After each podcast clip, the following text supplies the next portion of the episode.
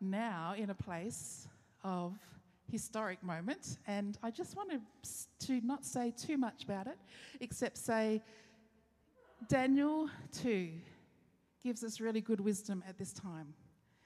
It says, He changes times and seasons, and He disposes kings and raises up others, and He gives wisdom to the wise and knowledge to the discerning. And so, as we move into this next phase of, we've all just seen what's happened overnight, I would just encourage us to be wise and discerning and to be praying for our leaders and to be continuing to pray, no matter what emotions that we're feeling in, in the room right now, that we just be continuing to be praying for our leaders and praying for our state. Can you do that with me? Great. So today, today is going to be a bit of fun. We have three different elements that are going to happen. First one, you're going to hear from a number of different people. Secondly, we're going to do hopefully some things together, and then we're going to move to that wonderful table at the back and enjoy a feast together. You up for it? Yep, good. I'm glad that you're here. Let me just read to set up what today is about. So, Church Family Sunday, this is our last Sunday, and we've had a process so each at the end of each month where we as a church have been looking at how's our relationship with Jesus and with God and uh, with the Father and also with the Spirit going. And we've been really looking at our in and we've been looking at our up connections, and our in connections is part of our community connections here. And today we've got some people that are going to help us focus on what's it look like out when your life is surrendered to Jesus? What's it look like when you're serving in different places? And you're going to be really inspired, I think, by the people you're going to hear from. Matthew 25 says, When the Son of Man comes in his glory and all the angels with him, and then he will sit upon his glorious throne. All the nations will be gathered in his presence, and he will separate the people as a shepherd separates the sheep from the goats. And he will place the sheep on his right hand and the goats at his left. And then the king, the king that we are worshipping, will say, Come, you who are blessed by my Father, and inherit the kingdom prepared for you from the creation of the world. For I was hungry and you fed me. I was thirsty and you gave me drink. I was a stranger and you invited me into your home. I was naked and you gave me clothing. I was sick and you cared for me. And I was in prison and you visited me.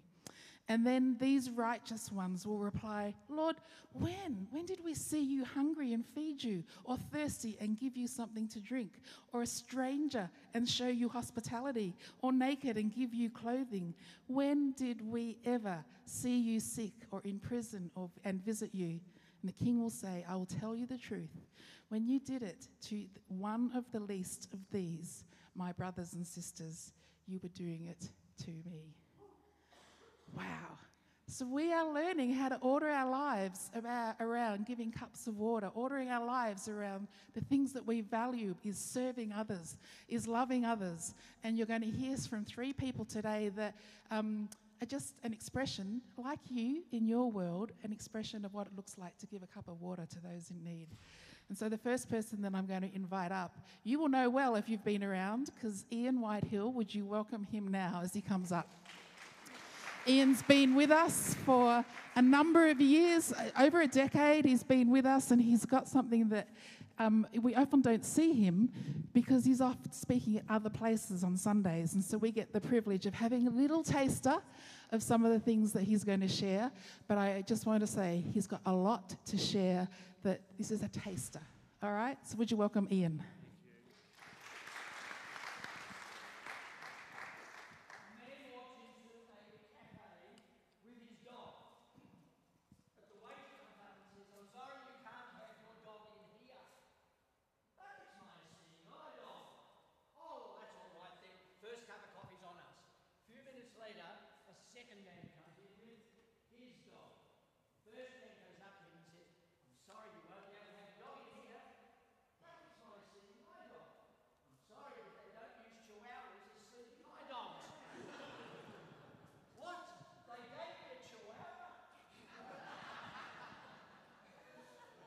who's blind and who's not?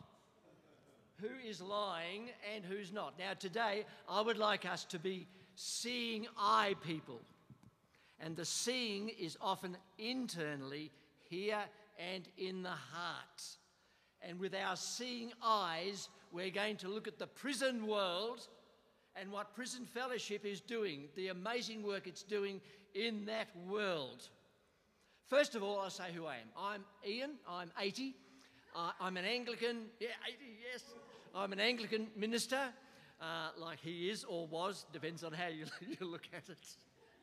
I'm married to Wendy over there, have three children and four grandchildren, and I love theatre and movies, gardening, dancing, reading. That's enough. That's enough.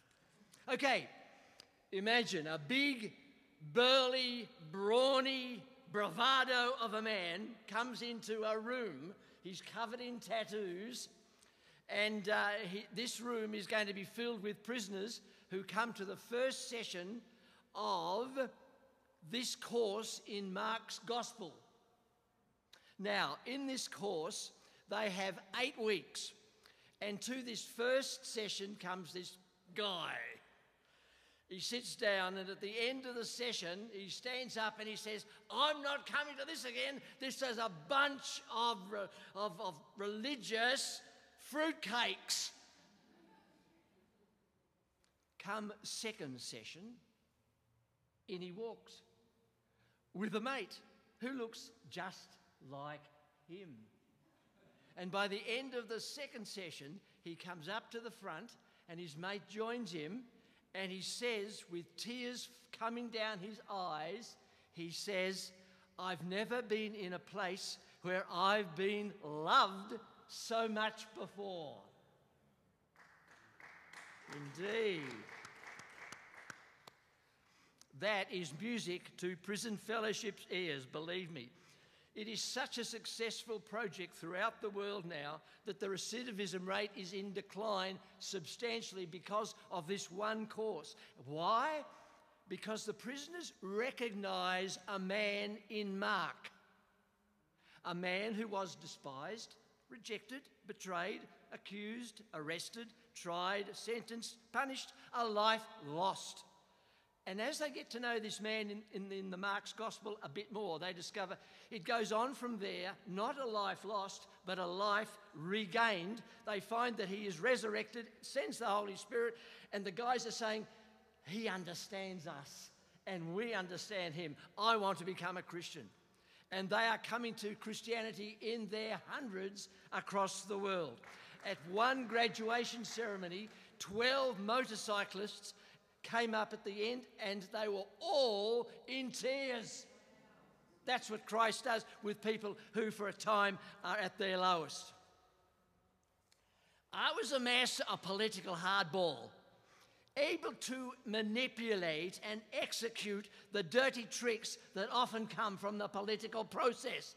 I was truly a nasty piece of work. This man, his words, Charles Colson, who was the hatchet man for President Nixon at Watergate back in the 70s. Some of you will remember him. Imagine him after his uh, uh, trial and after his uh, uh imprisonment, or just before his imprisonment, actually. He's sitting in his car and he's in tears and he realizes that he has lived badly he crumbled in a flood of tears, unable to drive, calling out to God with the first honest prayer of his life. That was the night Jesus Christ came into my life. He gets in the car, Nixon's man, gets out of the car, Christ's man. So God tumbles him into the kingdom of heaven. The law takes him by the scruff of the neck and gets him into prison. He's there for eight months. Many prisoners are, con- are convicted, become Christians. He then writes his wonderful autobiography, Born Again, and over the next 40 years, establishes prison fellowship, firstly from within prison and then outside, and because of mainly his work, in 40 years, Prison Fellowship International becomes easily the most prison visiting operation in the world with a four star credit rating from United Nations. And I am privileged to be a part of that movement.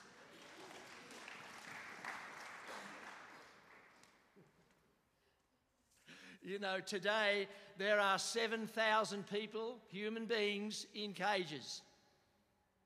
It's a lot. That's just in Victoria and 50,000 in Australia. In 15 prisons in Victoria, and believe it or not, 35 prisons in New South Wales, and they're about to, to build another 12 in New South Wales. Wouldn't you rather be down here? so, now half of these 7,000, right, will go out and they will be back in two years. Half of them, nearly. How many? Half in two years. Also, nearly half of them are on remand, which means that they're either in prison or on bail, but they're not going to be tried yet.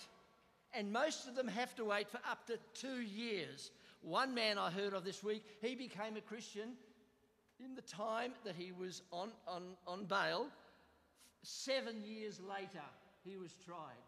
There are a lot of innocent people in prison, and of course, loads of prisoners or criminals not in prison, more than are in, and they're usually the cleverer ones that are out. Now, Di and I have, we want to give you a taste of this. Di and I have agreed we'll lock the doors at the end of today. you will have a whole week here. Isn't that wonderful? We'll provide bunks and, and meals and everything for a whole week. You can use your mobile for two, uh, two hours, that's about it. Okay. Can you imagine the benefits of being here for a week together? You're already here for next Sunday service as well. It'll be just absolutely terrific. Okay, now, the beating heart of Prison Fellowship International is the visitor, the volunteer visitor. Okay? They are the core of our work. They are God's agents of transformation. Now, this is what we do.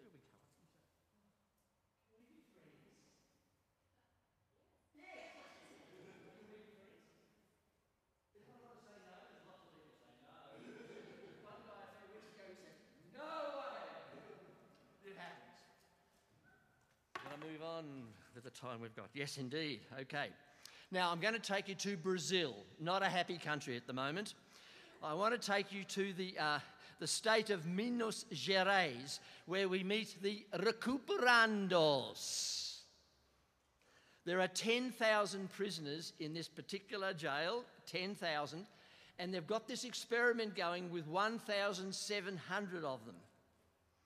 They have to have been in prison for five years, have family living in the state where the prison is, and they have to agree to being part of a project which is about, and they're told this at the beginning, we want to show you what love means. So, out of the 1700 who do this course, and this uh, is a whole lot of other things we don't have time for now, but sports courts, gardens, bakery, workshops, knitting, pottery, everything you can imagine. Just wonderful. And what happens after the first year? Instead of throw away the keys and let them rot in hell, it's we're going to give you the keys of the prison. And you can choose to stay or leave. 90% of them stay. And of the 5% who leave, half of them decide to come back. Whether they commit a crime or not in the meantime, I don't know, but they're allowed to come back. Okay, isn't that incredible? I think it is. Oh boy, I'm so excited about what's going on. Now, Mary Kay Beard was a, an infamous bank robber in America back in la- late part of the last century. She was wanted in four states for grand larceny. She got on with the mafia and all of that, and they, she just had a ball making a huge amount of money from all of this bank robbing.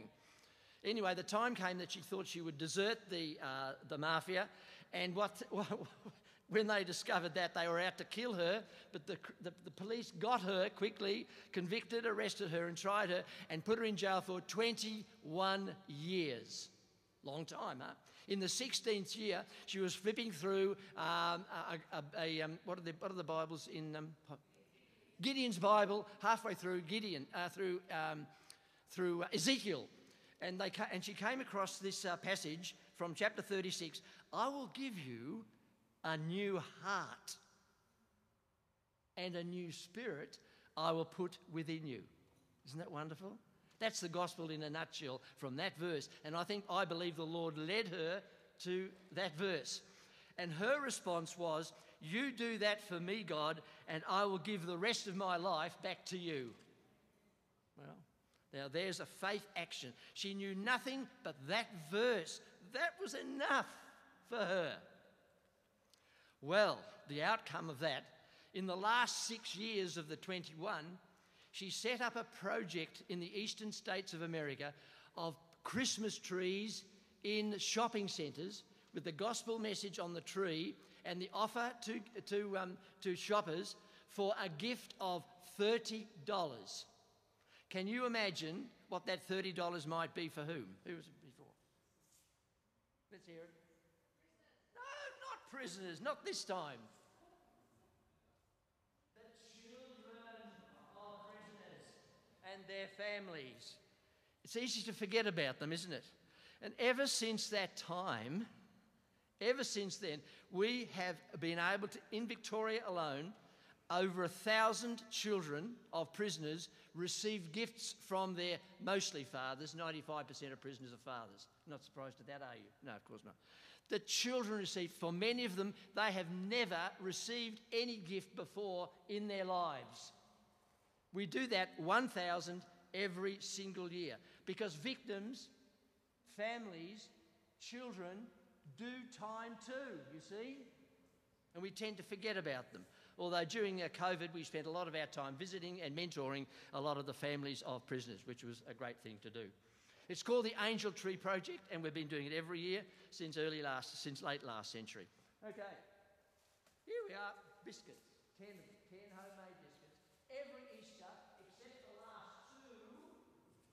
Right?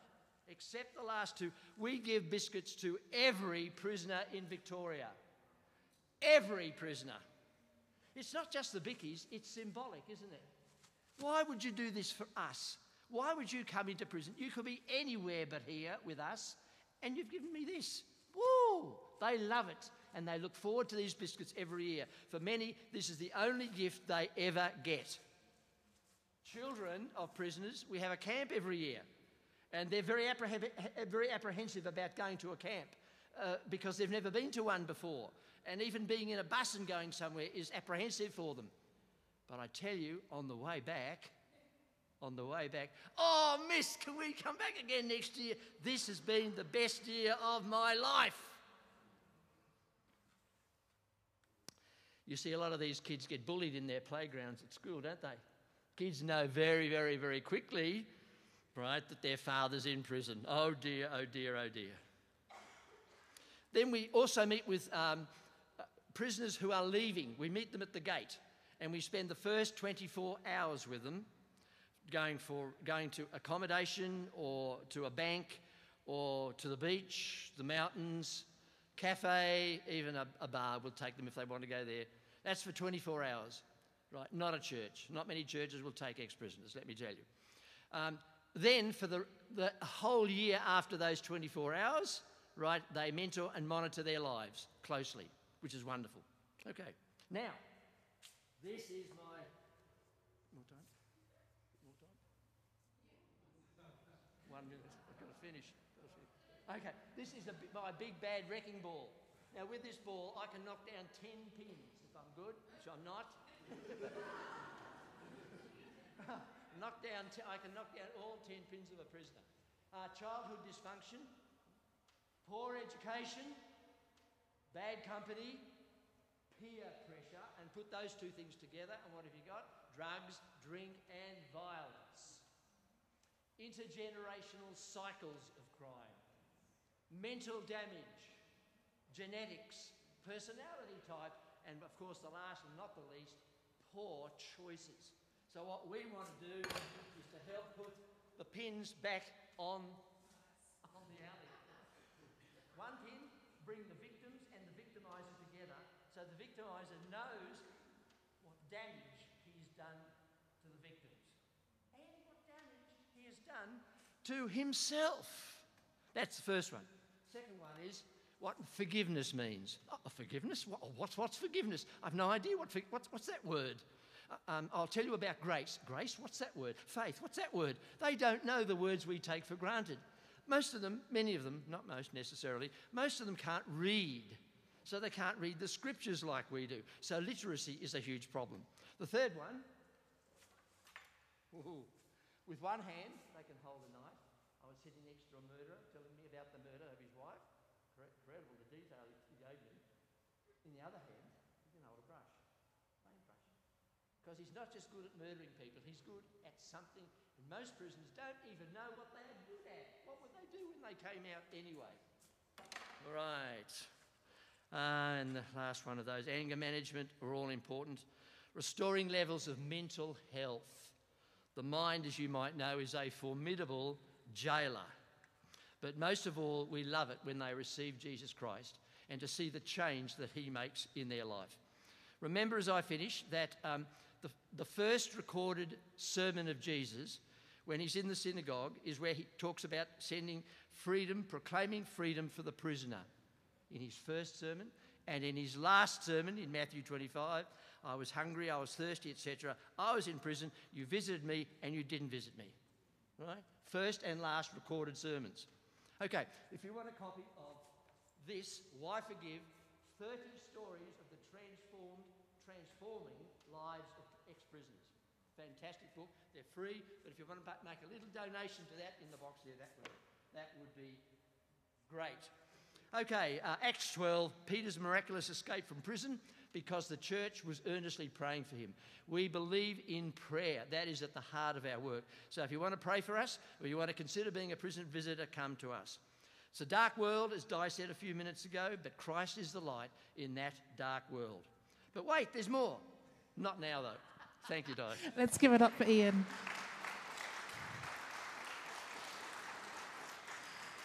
Can you tell he usually runs workshops on this and he's got so much wealth? He's been doing this for well over a decade and he's part of our family. And so we're having little tasters because there's a number of people that are literally as their everyday life serving with passion to where God's called them. And so pray for Ian, pray for all that he's uh, involved in, and we will. We look forward to um, hearing more. We thank you for being able to keep within that time frame. I know that was a real friendship tester there, right? so you enjoyed that taste. Um, we're going to now have um, someone who's actually not here able to speak to us because they're actually doing something right now that you're going to hear about on the screen. So I've asked David Breen, who's also been around for, for a long time as part of our family. He's right now serving, and you're going to hear about that. Would you just welcome David, who's not here? He's on screen. Yay, David. So good morning. This is um, Crossway Life Care. This is where I work, and this is the uh, pantry where we serve. So I'll just take you inside and show you what it looks like, so you can see what's going. on. It's got some people at the door. Uh, you can see that we've got some people who come uh, to the door and we serve them uh, in the pantry and uh, give them food. They fill in a form saying what they want and what they'd like to take, uh, and then we serve them away. So I'll show you. Come inside and have a look. Tell, tell him, uh, you know, sorry, here. Oh. Sorry, uh, this happened. So inside we've got the pantry, and we've got shelving. We've got the things on the shelves. We, we have some um, bananas over there. We take things off the shelf. We uh, put them into hampers, and then we uh, give people the things that they need, uh, and they take it home with them. So um, we also um, serve them coffee and tea, so we'll give them a coffee and a tea uh, if they want them, or a hot Milo. And uh, we also um, choose what, what, they want off the shelf and give them a hamper. Uh, in the back room, uh, through there, you can see where Paul is walking. There's uh, the freezer and the fridge, and that's where we've got the the, uh, the cold veggies. And there's Helen trying to hide from me so that she's not in the video. and we also have a little bit of gluten free that we give to people so that they can enjoy having gluten free if they need to, or lactose free, but not much of that.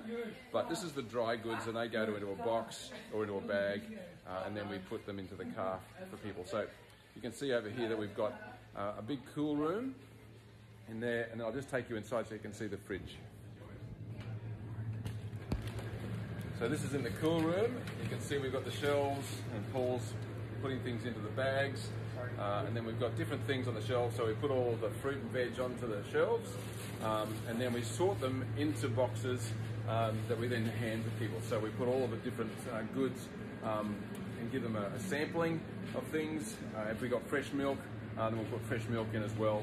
And you can see there's a few left there on the shelf. But we get um, goods every day from Aldi and from Coles and from Foodbank once a fortnight.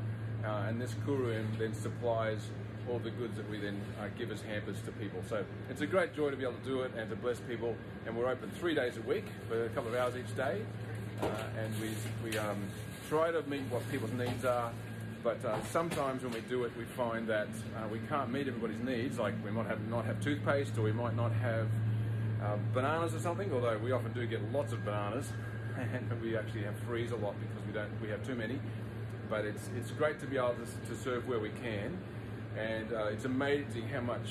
Um, food uh, surplus there is from places like Aldi that we get, and we also get it from OzHarvest, and that enables us to then be able to pass it on to people who don't have enough um, food in their household or uh, for their family. So, yeah, it's pretty cool, and uh, yeah, it's very cool actually in here at the moment. But uh, it's good to be able to serve people and bless them uh, in different ways. So, hopefully that fills you in a little bit of what, what I do, and uh, that you can see that we're serving the community uh, in this local neighbourhood of Whitehorse and uh, beyond. So, bless you. Bye. So, good morning. I thought he was going to do round two. How good is that? So that's David Breen, and he's actually right now packing hampers at another church. People are bringing things, they're putting them together, and that's part of what he's doing. So you might be sitting next to someone right now that they're actually doing things in the community and we don't know. And so this is a bit of a Sunday to get our conversations going about people that are already in the room here. And when you're saying to me, perhaps, what are we doing as a church? There's a lot going on already through each of you and what you're investing in. And David and Ian are just two examples of that. If you would like to follow up any prayer, um, I said to David, one of the things we want to do is make sure he feels really supported by us as a church family. Because right now he's in conversations that people are coming with very big needs for food, but very big needs as well. And he was telling us last week that he um, helped a lady not just get the practical support she needed, but then she also had three or four steps that he was able to connect her with support that she needed to make her um, feel safe and also get the help that she needed for a healthy Christmas. So that was just one person that he was sharing about. That's happening all the time for him. So pray for David as well and his team. And Brit is also working for the same organisation, right? Yeah. So Brit's also helping with just communications and stuff at this time of year. It's pretty busy, hey? So if you would like to know more about the pantry, I think we have that on the screen, or talk to Brit. She could tell you more about it. Is that okay to? Yeah, good. So um, too bad if it's not, because she works there as well, and she'll have lots of information. She's the communications person, and she will be able to give you lots of communication links, right? but yeah, pray for David. All right, getting silly now. All right, next one. Now, some of you are business owners, right? And when you worship, your worship will look really different to what a pastor looks like when I'm worshiping and doing my daily surrender and following Jesus throughout the week. So, for example, you might be surprised to know that when Trav picks up his car, uh, his car, his guitar to lead us today, so Trav's our worship pastor, he also has another place that he spends a lot of time his, in, of his week, another employment place. And we're going to hear that his worship looks like not just singing, it also looks like some other really interesting days. And so, would you welcome Trav Gray?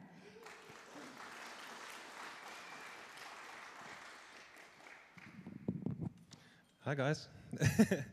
um, yeah, most of you know me as Trav, the worship pastor or worship leader or whatever I do up there. You can call that that.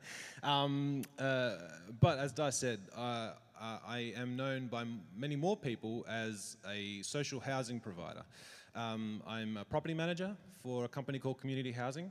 So um, it's one of the largest social housing providers uh, in the world at the moment. Actually, we have um, many many offices and many employees all around the world. Uh, and um, I specifically uh, manage a team who run a transitional housing program uh, in that organisation. So we um, we take people from all sorts of places, uh, prison. Um, uh, we have a corrections program. Uh, I personally manage a drug and alcohol rehab uh, properties. So we take people from rehabs and we put them in for a short period of time on a short lease. Uh, and the idea is that it's a stepping stone uh, into uh, more permanent accommodation. So uh, the idea is that the, the rent is rebated and um, they have a chance to save some money, uh, get back on their feet, uh, and then um, hopefully potentially move into something more permanent. so obviously it doesn't always work out that way, uh, but, um, but that's the idea and that's the goal. Uh, the organisation's mission statement is a, a, world without housing poverty. Uh, and I just want to share a little message uh, from Psalms with you guys and it says, For in the day of trouble, he will keep me safe in his dwelling. He will hide me in the shelter of his sacred tent and set me high upon a rock. Um, obviously, that's a spiritual promise. Uh, but I believe it does have a, uh, a mirror in the physical. Um, and anyone who works in, in, in, the social sector knows that uh, if someone has a home, uh, that is the first step to, to achieving something more, uh, more sustainable for that person and their family. So so it's, it's a passion of mine and it's a passion of ours and, and, um, and it's just awesome that we've been going through this thing uh, in Matthew where, you know, uh, what you've done to the least of these you've done to me. Um, and uh, yeah, I've been honoured to be able to uh, yeah, represent Jesus in a little way in that sector, um, in a in a different way. So it's a good balance, you know. We get I get that, and then I come here and I get to worship, and it's it's, it's really great. So um, so that's what I do. That's what we do. Yeah.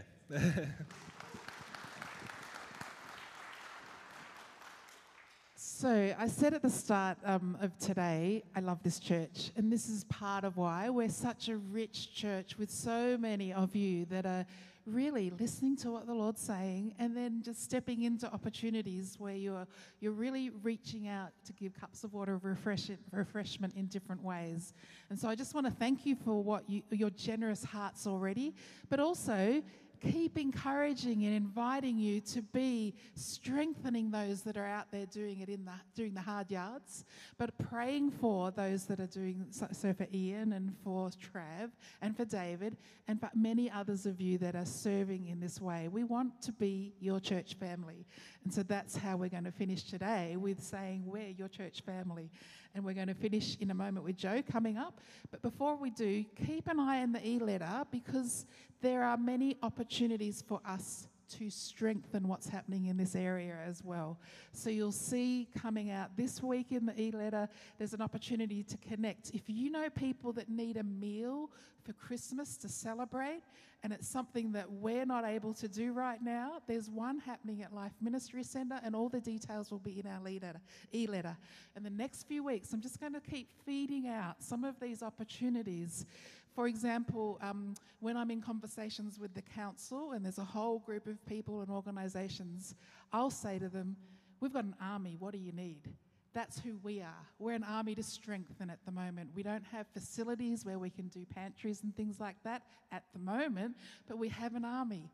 And so I'm saying to you, as the army, that if there's something that you're hearing that's available for us to strengthen at this time, that's going to be our festival of giving throughout December, all right? And we're just giving you a taster today of some of the things that we can strengthen.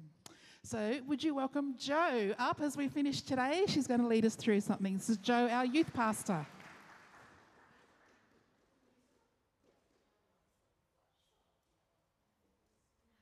That, give me a second to derobe my face. Um, okay. so, yeah, if you don't know me, I'm Joe. I help out with the youth and young adults.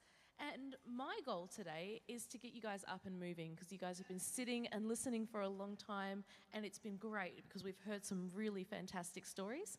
Um, but we like to do as well.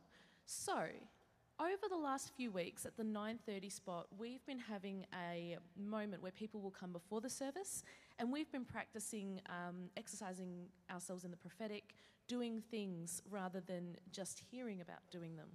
And not everyone made it to the 9:30, so I'm going to make you do it now.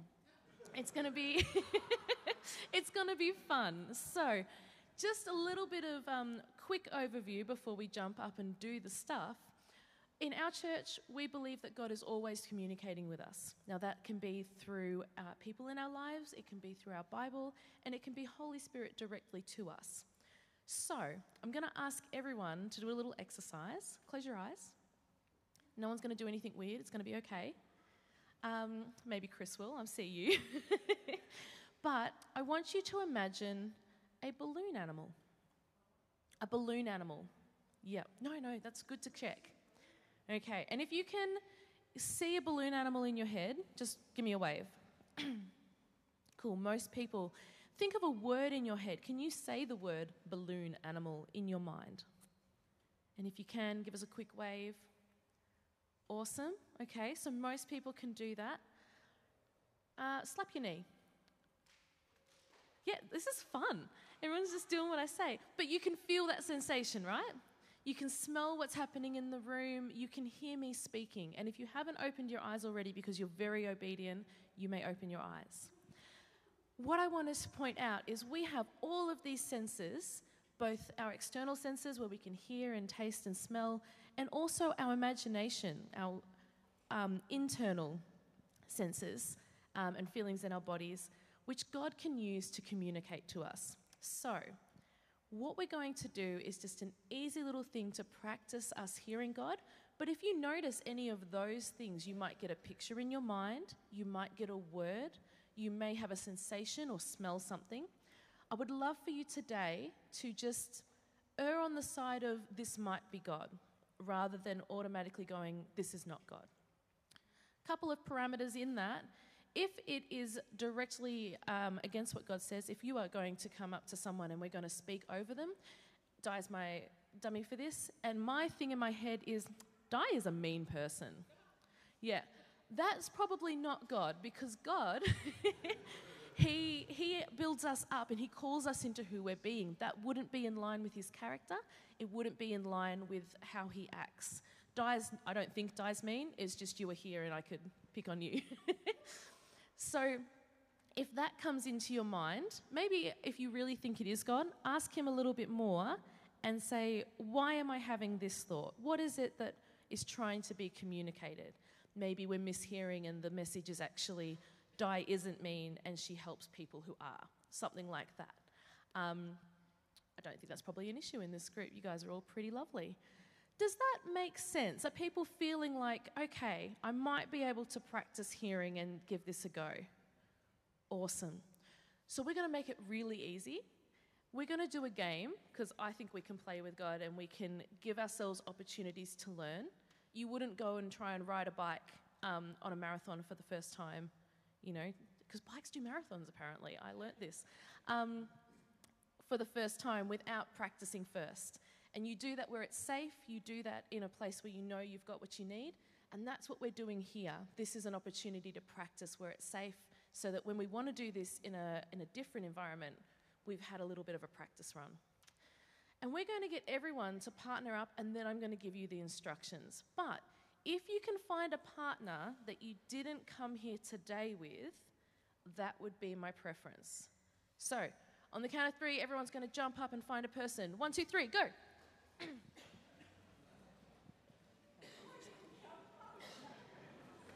no, it's only eight past, so I think we're okay. Yeah, no, I'm keeping a closer eye. Awesome. Quick, quick, quick, it's double time. You've gotta find your partner. Let's go.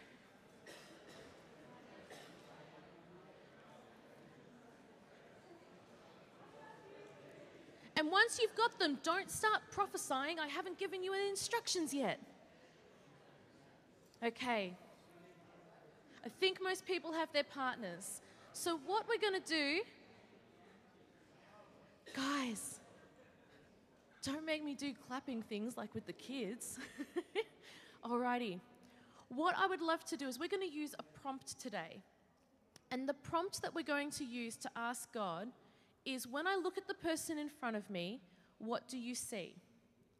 So you might notice when the person in front of you that they have a particular color on. Perhaps they're wearing purple, and purple reminds you of royalty, and it's God maybe trying to communicate this person is a princess. They're the, the daughter of a king. That sounded ominous. Um, we might check that in a second. If you are looking at someone, perhaps you're noticing their smile. Perhaps you're noticing um, something that's in them rather than a physical attribute. What we're going to do today is when we ask that question, we're going to trust that God is going to speak. And the first thing that pops into our mind, provided it builds people up and it's in line with who God is, we're going to communicate that and encourage the other person. Sound good? Okay, so look at your person. We're going to ask God internally or externally. When I look at you, what do you see? And God's going to help us encourage that person. Ready, set, go.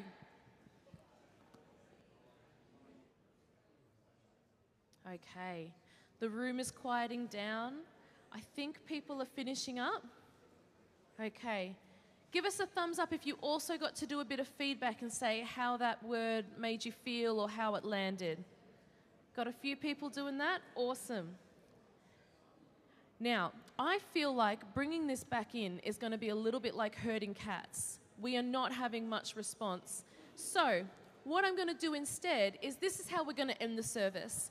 We're going to swap partners. The person that you um, who prophesied and didn't receive is now going to be the person receiving. We're going to do the same exercise and then give a little bit of feedback at the end. Because one of the things that's really hard when we're hearing from God is knowing whether or not we heard well.